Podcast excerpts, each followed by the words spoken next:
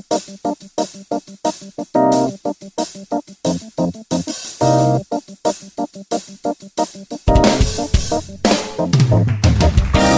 de solblekta stränderna i Santa Monica, Kalifornien. Mina damer och herrar, tillåt mig presentera Peppe Öhman, Magnus Silvenius Öhman. Det här är Magnus och Peppes podcast!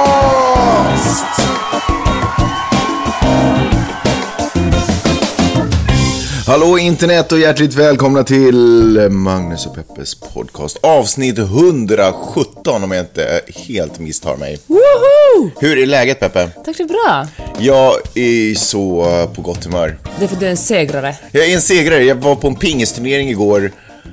Jag skulle inte säga att jag vann pingisturneringen, men jag vann eh, alla de som slog ut typ i första och andra ronden. Möttes, Du vann B-laget. mm, möttes i en ny eh, liksom, turnering och den vann jag. Du vann loser-kategorin. Tack. Kul, jättekul. Pingis är ju roligt på det sättet är att det är svårt att vara dålig på pingis. Eh, jag menar, det finns ju naturligtvis nivå, nivåer på hur bra man kan vara. Som eh, den där svenska husguden, vad heter han, Gio Waldner eller någonting. Som, har du sett honom spela pingis någon Nej. gång? Alltså det är, han, det är ju en konstform. Det är, du måste youtuba det någon gång. Jag har sett Forrest Gump spela pingis. Tingis. Pingis. Måste du påpeka varje gång jag säger något fel? Det är roligt. Det är roligt, för att det är extra roligt att påpeka när du säger någonting fel, när du, när du tror att du säger någonting rätt.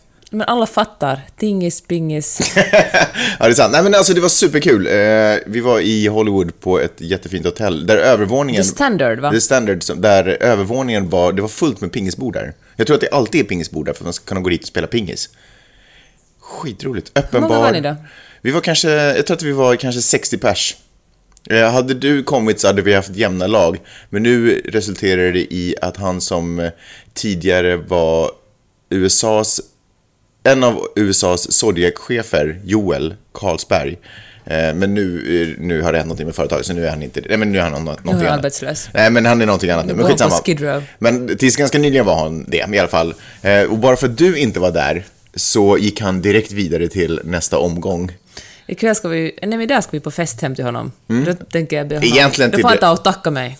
Ja, det tycker jag faktiskt. Jag vet inte, han klarar sig ganska bra. Skitsamma, vi ska inte snacka pingis, eh, utan vi ska ju prata om den här podcasten som generellt är en podcast där vi pratar... generellt. Boom! In my face. Generellt är det en podcast där vi pratar om samhället, vi pratar om eh, saker vi tycker är bra och lite underligt och konstigt i världen. Och vi brukar oftast, allt som oftast menar jag, göra det här ur ett journalistiskt och feministiskt perspektiv. Så sant. Vad är det journalistiska och det feministiska perspektivet på Obamas absolut sista korrespondensmiddag som han hade här? Heter det korrespondensmiddag? Ja, jag tror det. Ja. Jag har inte faktiskt sett hela, jag har bara sett några, joke, några joker. Men jag tycker det var roligt, det allra sista, som du faktiskt visade, jag måste säga cred dig för du faktiskt visade att mig, du steg upp ur badet, rusa in till, Alltså, så roligt. till min frukostsession och bara du måste säga det här. När Obama säger att ehm, nästa år kommer han inte längre att stå här framför alla, att nästa år är en annan president, vem hon nu än är. Och så ska jag bara vilja säga två saker.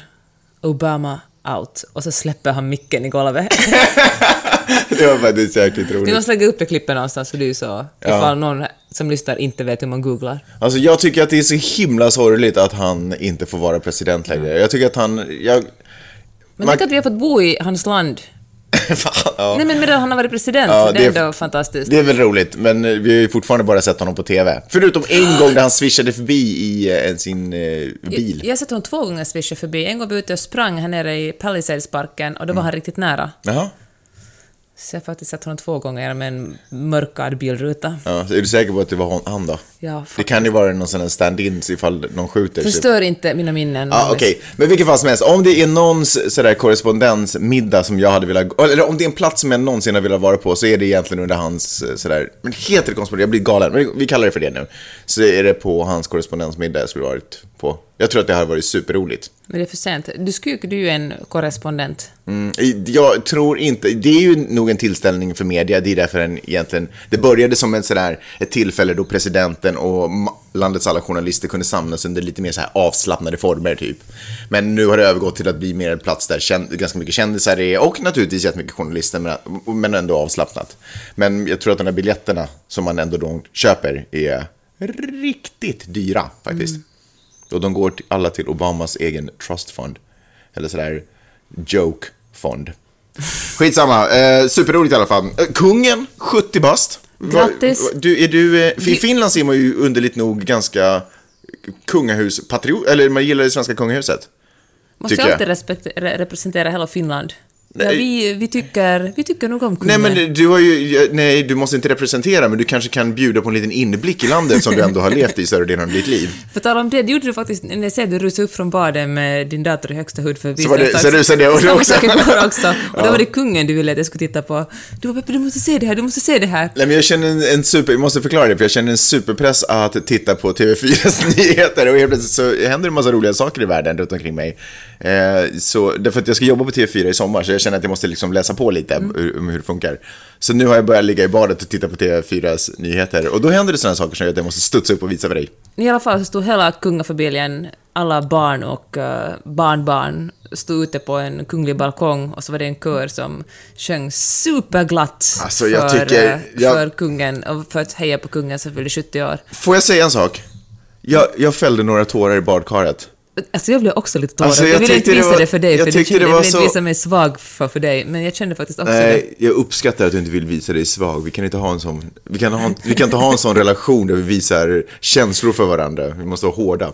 Nej, men alltså jag tycker det var så otroligt fint. Tänk att en massa svenskar och en och annan kines såg jag faktiskt på bilderna där. Och faktiskt några finska flaggor också. Men ändå, att en massa människor samlas utanför kungens hem.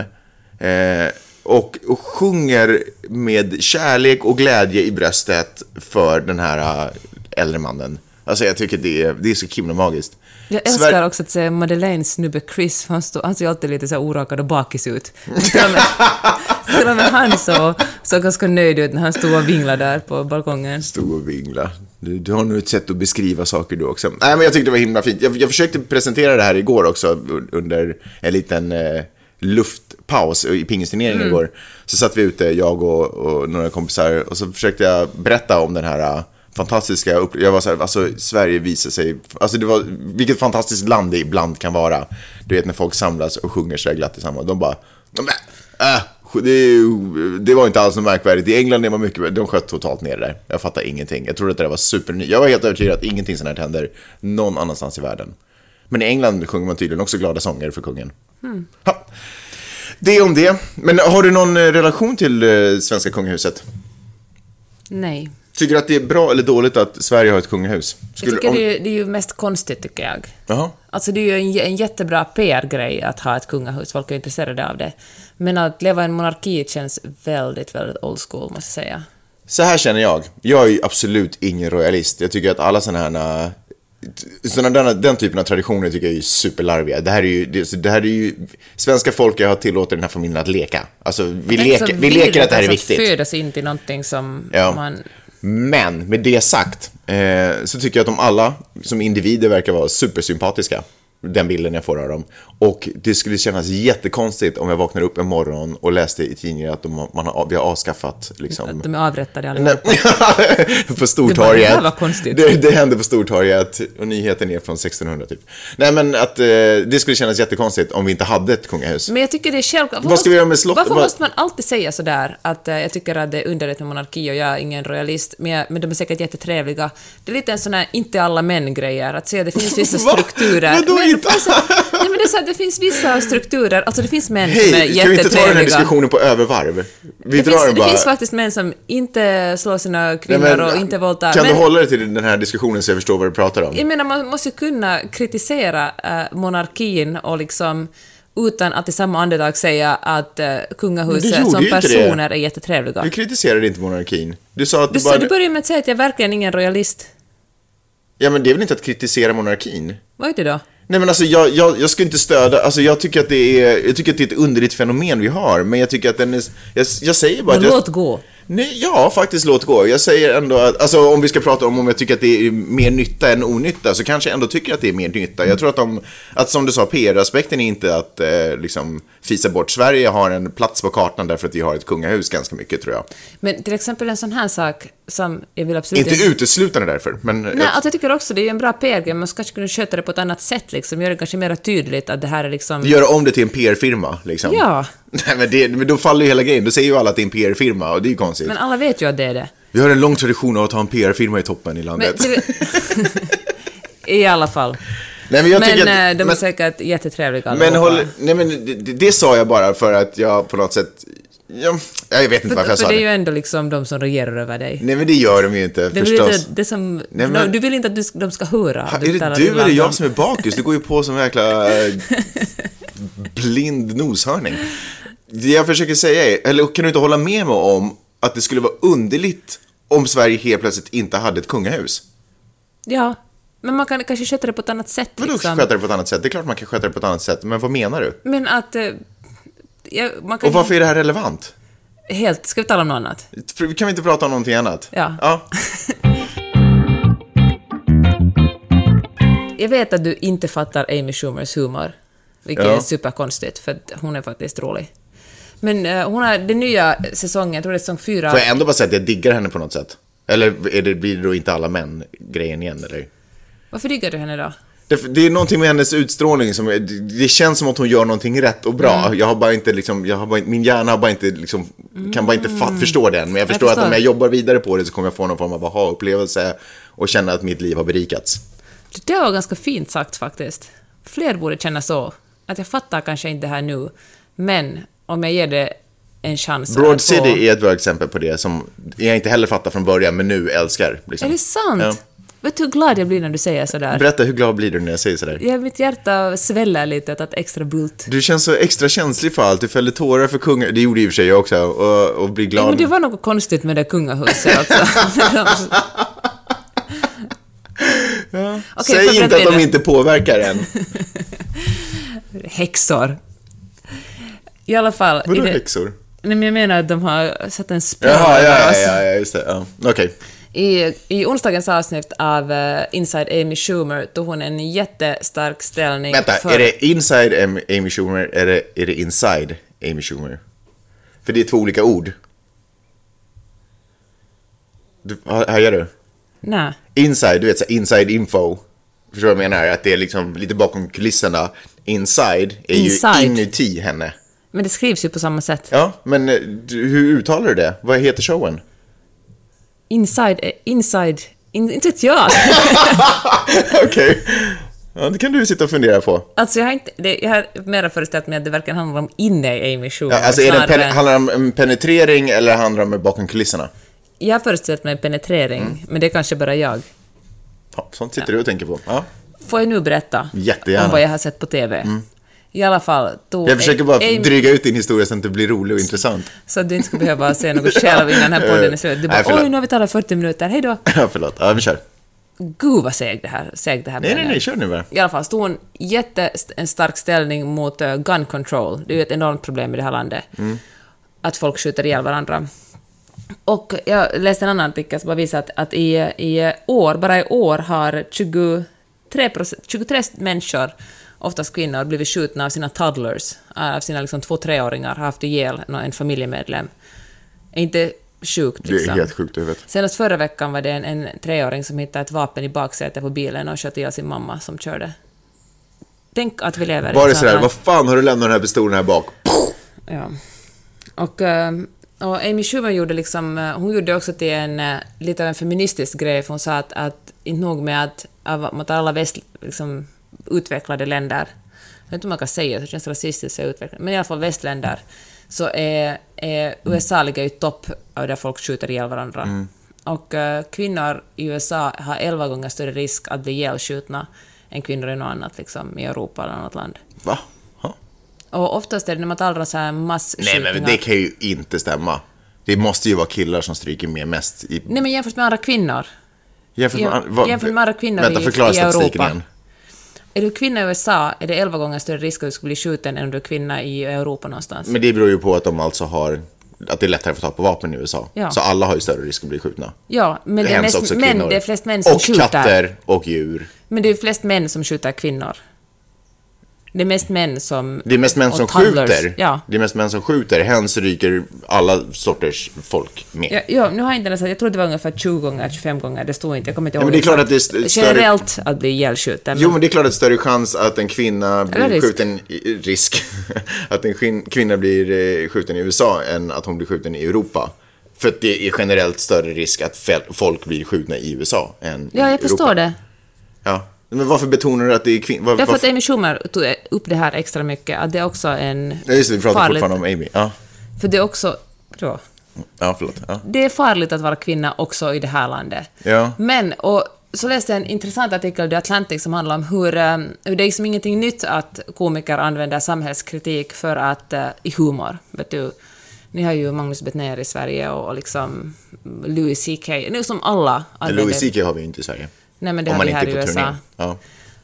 Saturday Night Live Ja, är ett jättebra exempel. Men ett exempel, de, här talar man om att eh, Amy Schumer har tagit ner den femte väggen, den femte muren i, i eh, stand-up eller liksom i, i komedi eftersom hon verkligen uppmanar, hon bara skojar inte om det och påpekar ett fel. Så som eh, Last Week Tonight till exempel, som gör riktigt bra journalistik och påpekar att det här är fel. Men hon är sådär, här, det, här kan ni, här kan ni, det, här, det här numret kan ni ringa till för att eh, lobba för eh, striktare gun control. Den här sidan, den här webbsidan kan ni gå till för att eh, skriva under att ni vill ha striktare gun control. Och så slutar hon alltid, varje avsnitt slutar alltid med Amy Goes Deep, där hon intervjuar någon, vanligtvis är det typ någon som jobbar med porr eller vaxar vaginor. Men den här gången intervjuar hon en kvinna som jobbar för gun control och frågar så här, och så hon var ganska så här seriöst intervju.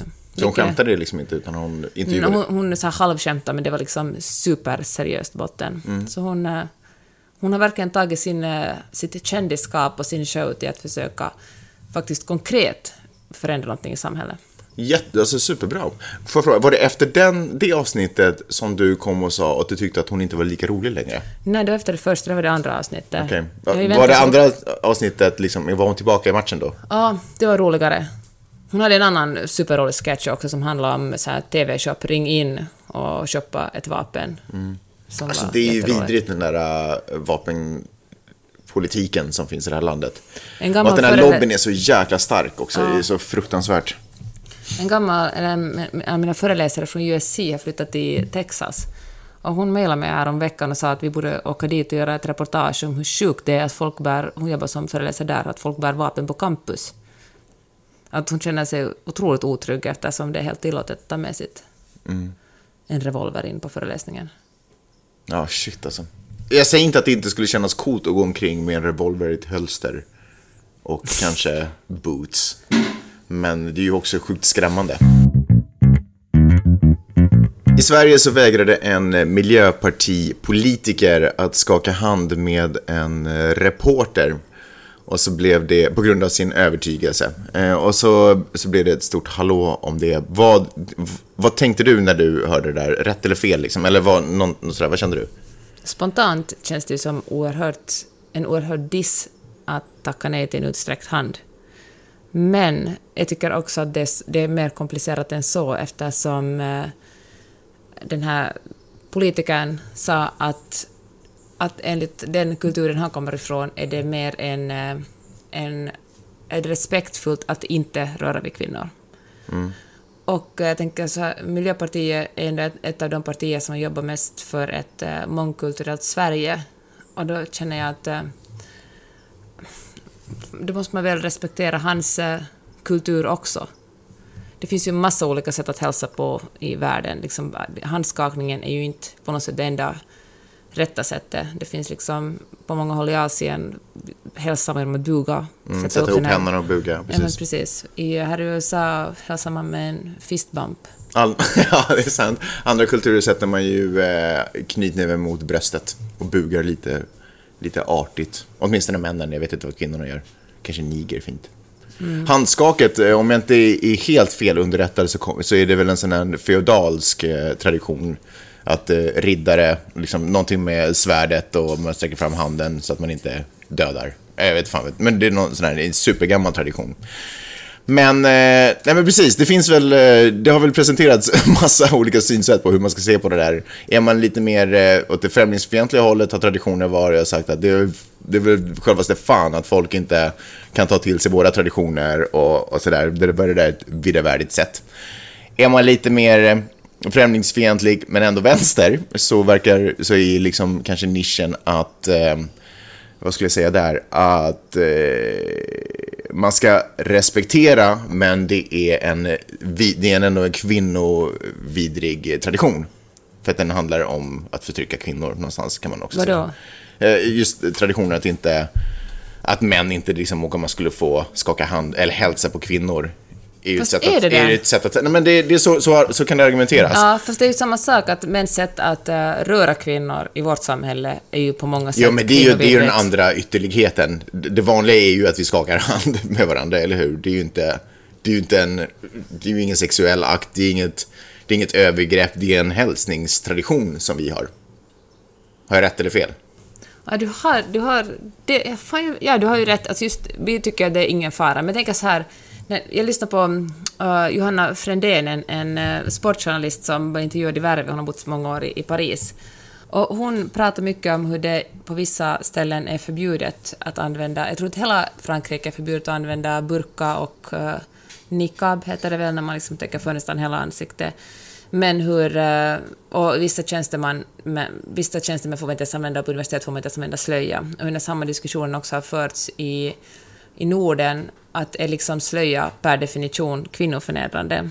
Och så berättar hon om en sån grupp unga, unga kvinnor i, från Paris förut för några år sedan demonstrera och prata mycket om hur det är, det är ett, liksom, det är kultur, de ser det inte en slöjan som, som kvinnoförnedrande. Och så jämförde hon det med att själv flytta till ett land där alla kvinnor går topless. Och, eh, och hur obekväm hon själv skulle känna sig. Och alla skulle vara så att men kom igen, det är bara liksom patriarkats förtryck det där att du måste, du måste dölja dina bröst. Kom igen, av med skjortan liksom. Alla människor som människor. Jag tror inte att det är, jag tror att det är farligt att ge sig in i en, liksom, en diskussion om vilken kultur som är bättre eller sämre. Jag tror inte att det är frågan om bra eller dåligt. Jag tror att det är olika traditioner. Och det måste man ju naturligtvis man måste inte, men det, det, det lönar sig att, att försöka förstå i alla fall och kanske också försöka respektera.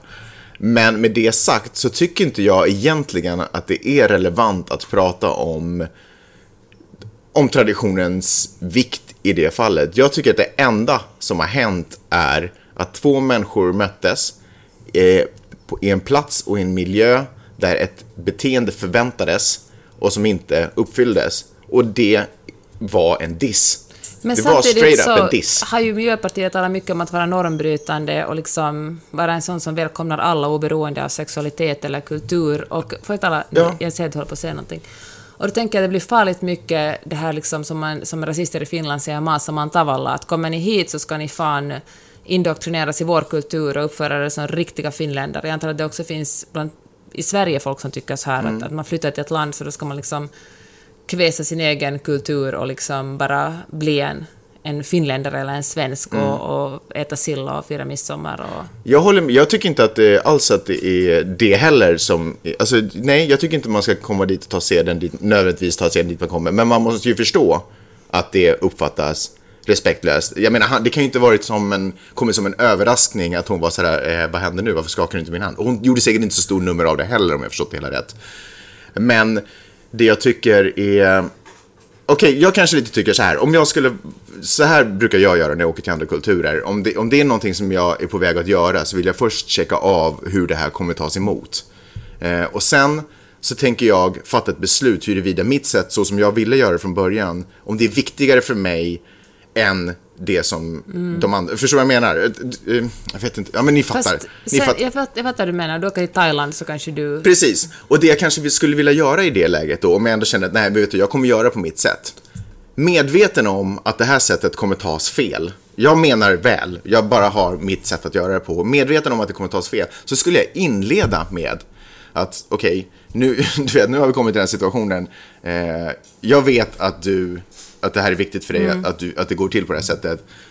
jag är ledsen, jag kan inte göra det. Jag har en alldeles för lång tradition av att göra det på något annat sätt, så därför kommer inte det hända. Kanske det var så han gjorde det också, men jag tycker inte att det här är en stor grej. Jag tycker inte att det här är en tävling om kulturer och vem, vilken kultur som har rätt att ta sin egen väg. Men jag tycker man måste se att för henne var det en diss och för honom var det inte det. Sen kanske han inte bara är en gäst i den här kulturen. Liksom. Jag tycker också det är skillnad om man åker som en gäst eller som en, eh, som en turist någonstans och är sådär, jag fan ska uppföra mig hur jag vill, jag skiter i era traditioner. Men om han, om han bor i Sverige, är svensk medborgare och jobbar för ett parti som väldigt starkt understryk, understryker multikult, att vara liksom ett mul- multikulturellt parti, så det kanske det också är ett slags ställningstagande, att jag är lika mycket svensk och lika mycket som du, men, men jag tycker att eftersom vi lever i ett mångkulturellt land så tycker jag att Jag tror- vi jag ska vet- acceptera olika sätt att hälsa på. Ja, det är sant. Jag vet inte, har jag pratat om kultur nu? För det jag egentligen menar är tradition. För, att, för det är inte...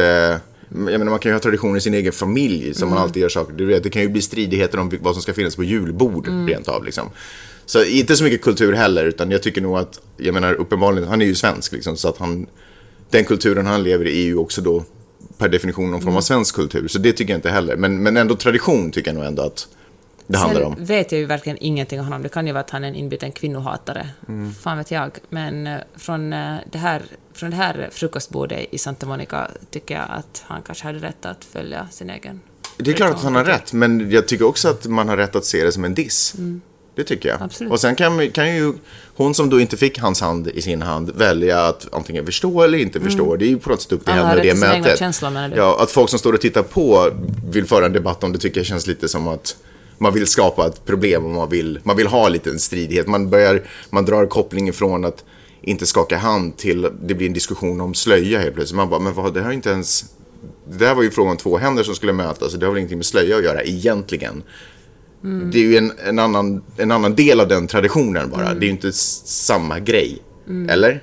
Nej, men jag kan nog förstå att folk liksom, att man, att man ser någon slags kopplingar och liksom försöker liksom göra en vidare diskussion att, att då kommer vi tillbaka till det där att vem, vems kultur är mer rätt än den andras. Det är just det, och det är det som är felet med problemet med kopplingarna. Ja, men det är jättebra att diskutera det. Är det? Ja, att försöka få folk att förstå att uh, slöja kanske inte alltid uh, ger likhetstecken till kvinnoförtryck. Fast jag tycker att det är problematiskt att diskutera det när det handlar om ett handskak. Jag tycker att det är det som på något sätt, de här diskussionerna får sådana um, det blir underliga underlig momentum och så börjar man göra associationslekar med kopplingar och andra saker som, är, som påminner om det här inom kulturerna som man också tycker är fel. Och så blir det liksom ett, eh, Men vadå fel? Jag tycker inte alls. Tycker det är viktigt att, att det är kanske bara ett sätt att öppna upp diskussionen istället för att, att säga att jaha, du vill inte hälsa, det, vilken diss, vilket kvinnoförtryck, nu går vi vidare.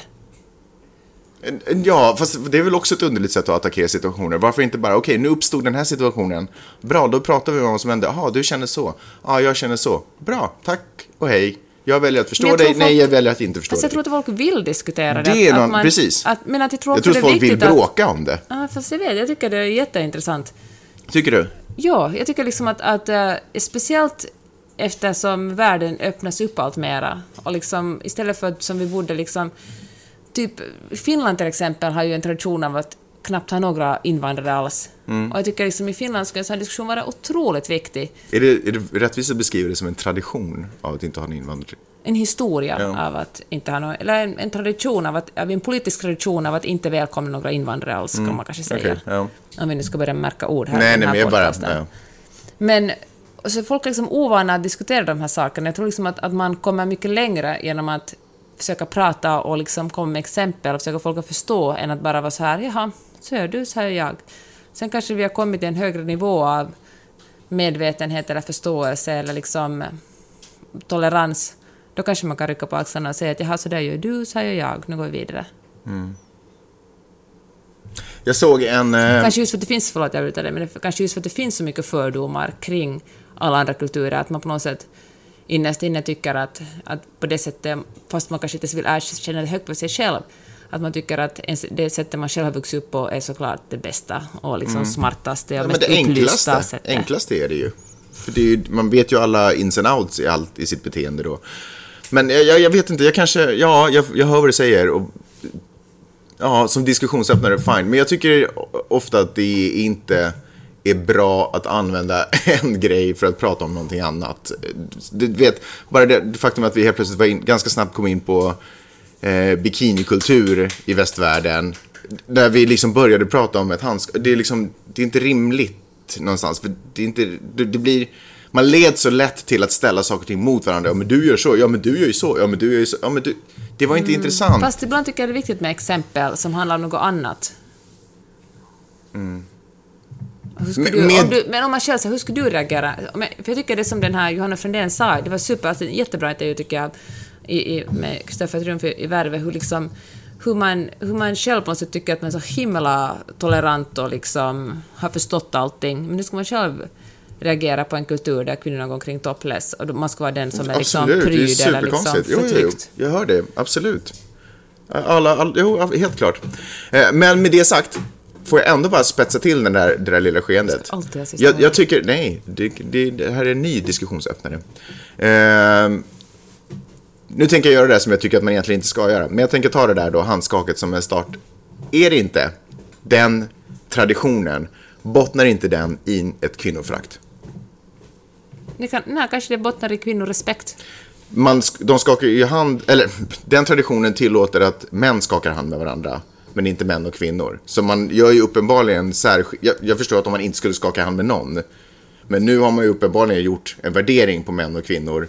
Kanske man värderar män lägre, möjligen, och därför tycker man att det är okej att skaka hand. Men åtminstone har man ju gjort en kvinno, man har gjort en människovärdering, eller hur? Och eftersom det för, för det mesta brukar vara så att kvinnor inte värderas högre så tänker jag mig att det kanske också är så i det här fallet. Och då borde ju det här vara en, om jag då följer mitt logiska resonemang, så borde det här vara en kvinnohatande tradition. Men om man talar om att röra kvinnor, där börjar vi diskutera om det finns ett sånt här förbud att, att män på nattklubbar får inte röra kvinnor. Det skulle vara jävla skönt. Ja, men ja, jo, men vadå? Eller på, eller så här, nej, okej, på... Men det är väl inte beröringen det är fel på, det är väl antastandet som det är fel på. Ja, Det är men- väl inte så att människor ju inte, också- vi vill ju ha beröring, det vill vi väl? Ja, men inte av främmande människor som vi inte känner. Eventuellt. Men ibland också nog av främmande människor som vi inte känner. Jag tror att människan är ett väldigt berörande. Ja, men då kanske du vill, du vill kanske inte bli berörd av främmande Men man vill män. inte bli antastad. Kan vi, kan vi inte kalla det för vad Fast det jag tycker är? också det där är liksom en, en flytande linje. Vadå, vad antas? Att kanske Antastad någon- är när man, de tillfällen som man inte ville bli berörd men, Men blev kanske, det. kanske kvinnor, till exempel superkonservativa judiska kvinnor, känner sig kränkta av att en, en främmande man rör vid dem. Vare sig det är bara att skaka en hand eller liksom ta dem på bröstet eller liksom röra deras rygg när de går in genom en dörr. Mm, Kanske de känner sig, smut, ja, känner sig smutsiga då. Jag menar, nu, nu, nu limmar vi igen på det som vi själva tycker att det, det som vi definierar som att bli antastad. Ja, eh, ja. Man kan bli kränkt av en, av en, en främmande människas eh, sätt att röra sig utan att den kanske tar det direkt mellan benen eller på brösten. Jo. Men så vadå, så du tycker att det är bättre alternativ att... Nej, men, jag- Nej, det som jag menar bara att, det att, att röra en annan människa kan...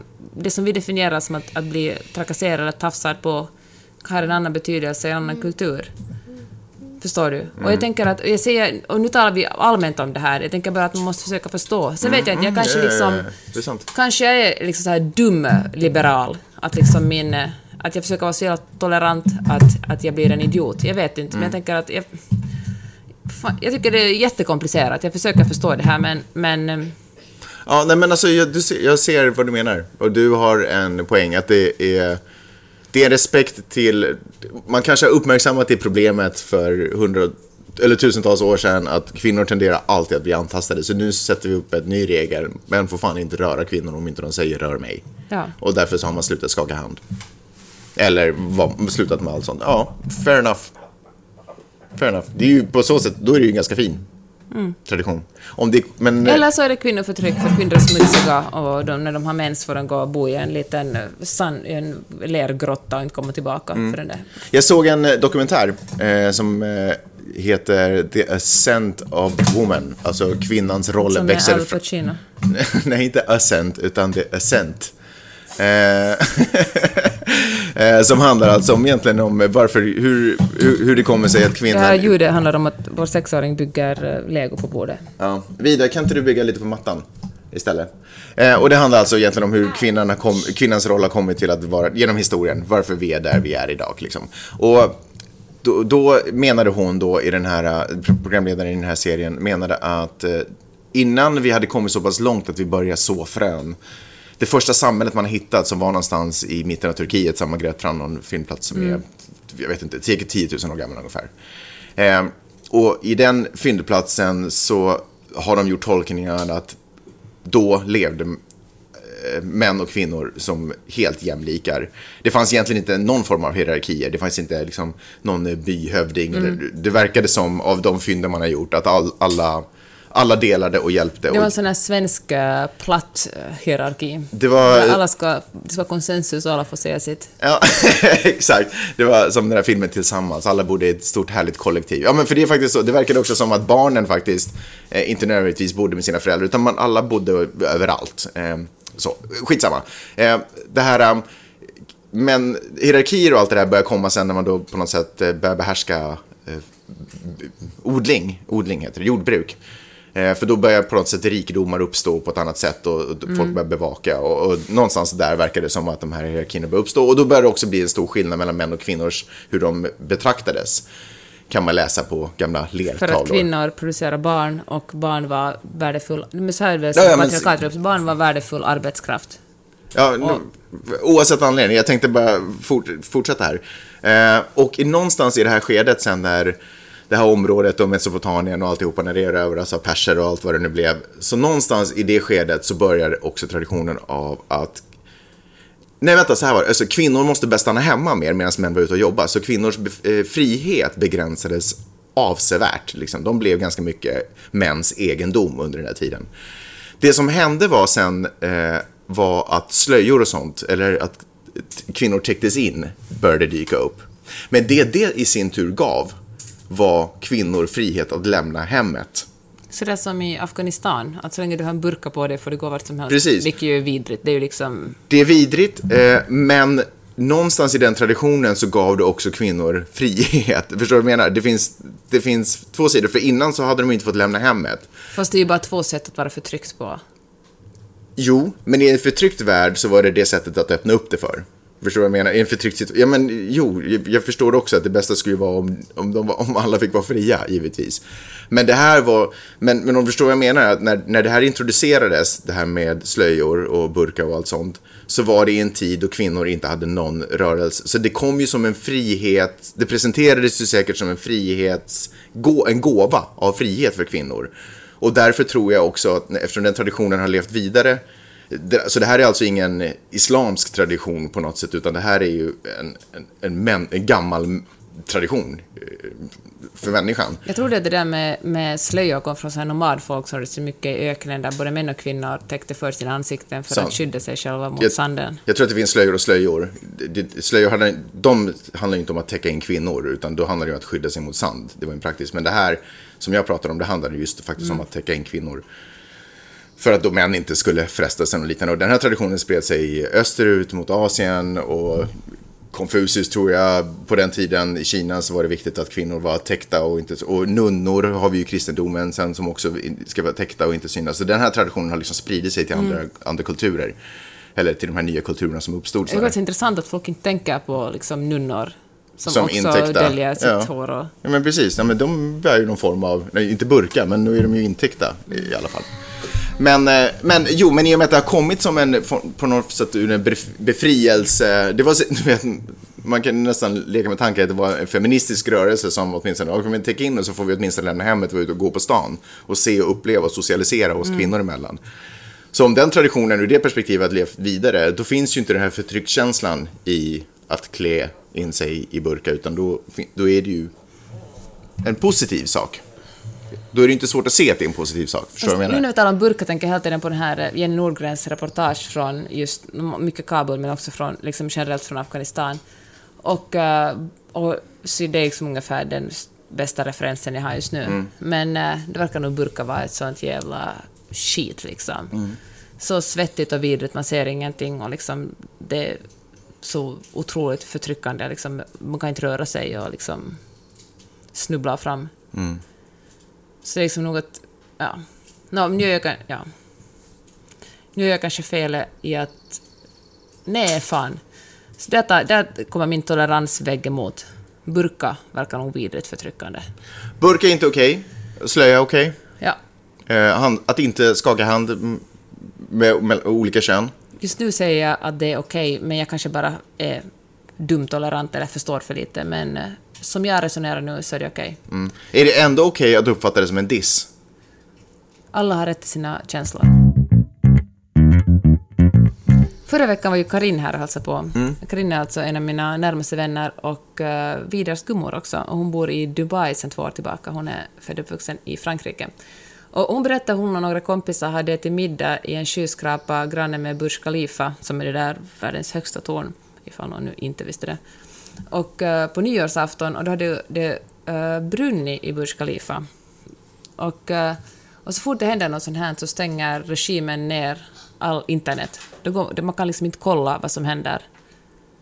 Alltså det är en ekorre, förlåt, men det var en ekorre som gick supernära dig. Jag såg Jag den. såg att både du och Vida bara stannade upp. Jag, jag såg den farfar. ja. Okej, Och, och jag fick ju panik, inte bara för att alltså, tänk att någon stänger ner internet, men alltså också ur ett... eh, Som journalist alltså, jag kände jag men så kan man väl inte göra, liksom bara stänga ner liksom folkets tillgång till nyheter. Och, eh, och det här gäller såklart också radio och tv-sändningar, man får liksom ingen information om vad som är på gång förrän regimen säger att det här kan ni berätta om. innan du kommer ut med sitt pressmeddelande liksom. Precis. Och, eh, och det var Karin sådär att nej, hon tycker att det är ganska skönt, för det finns ju så mycket lögner och, och liksom ryktesspridning och osanningar på nätet ändå. Vilket ju också stämmer. Men ändå, man måste ju ändå ha tillgång till information. Och så började vi tala om eh, hur det är att bo i en totalitär stat. Och det intressanta var att hon, jag vet inte om hon bara sa det för att provocera mig, men hon sa att hon tycker att det är ganska skönt egentligen att, eh, att hon vet att liksom regimen tar hand om en. Hon är ju i och för sig en expat, men att speciellt om man ska vara en person som är född och har liksom en, en medborgare i Förenade Arabemiraten så vet Så man att- regimen är någon form av sådär fadersgestalt som, som alla invånarna kan, bara kan luta sig tryggt emot. Ja, men Pappa tar hand om det här. Men exakt Pappa så. Som ett, precis.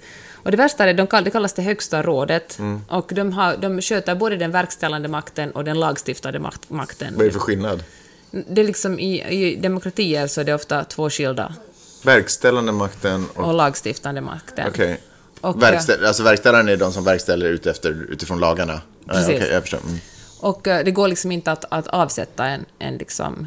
Det kan inte bli någon interpellation till exempel. Utan rådet är rådet och sen vart femte år så väljs det in ett nytt råd. Nu är representanter från, från de här sju olika emiraterna. Man märker att du är smart att studera statsvetenskap när du kan beskriva det så fint. För att inte bli ironisk här. Nej, var inte det. Och, eh, och det går ju bra liksom. Alltså de, folk är ju lyckliga så länge man inte är en, en slav från Pakistan som ska bygga hus liksom i... Vet du, alltså de sysslar ju med slavarbete i Dubai. Och, eh, men, men är man liksom en, en medborgare där då är det ju liksom en, säkert en bra plats. Man får bra utbildning, man får liksom... Man får väl ett hus och liksom man får medborgarlön och, och det är liksom ett... Det är en, som man ska säga liksom att det är en god diktator, eller en god diktatur. Förlåt, Men- att jag, du, du sa att de sysslar med slavarbete. Alltså, de åker ju inte och fångar människor från andra platser och tar dem till Nej, men människor Dubai. kommer dit och så tar, det är jättevanligt att, eh, det här texten, det här finns också på vår Flipboard-sida, att man tar de här gästarbetarnas pass Mm. och sen får de dem inte tillbaka, utan de är tvungna att jobba dag och natt. Och det finns en, här, en, en regel som säger att, att när temperaturen stiger över 50 grader, då får man inte jobba. Men officiellt stiger temperaturen aldrig över... Nej, 45 grader tror jag det var. Men officiellt stiger temperaturen aldrig över 45 grader. Så att de jobbar alltid. Och många av de som kommer liksom från Pakistan, de flesta kommer från Pakistan och Bangladesh, är folk som kommer dit för att, som vill skicka hem sina pengar sen till sina familjer. Men de är också tvungna att betala så mycket för resor och boende och sådana oväntade upp- utgifter, så de har egentligen aldrig råd att åka hem ens.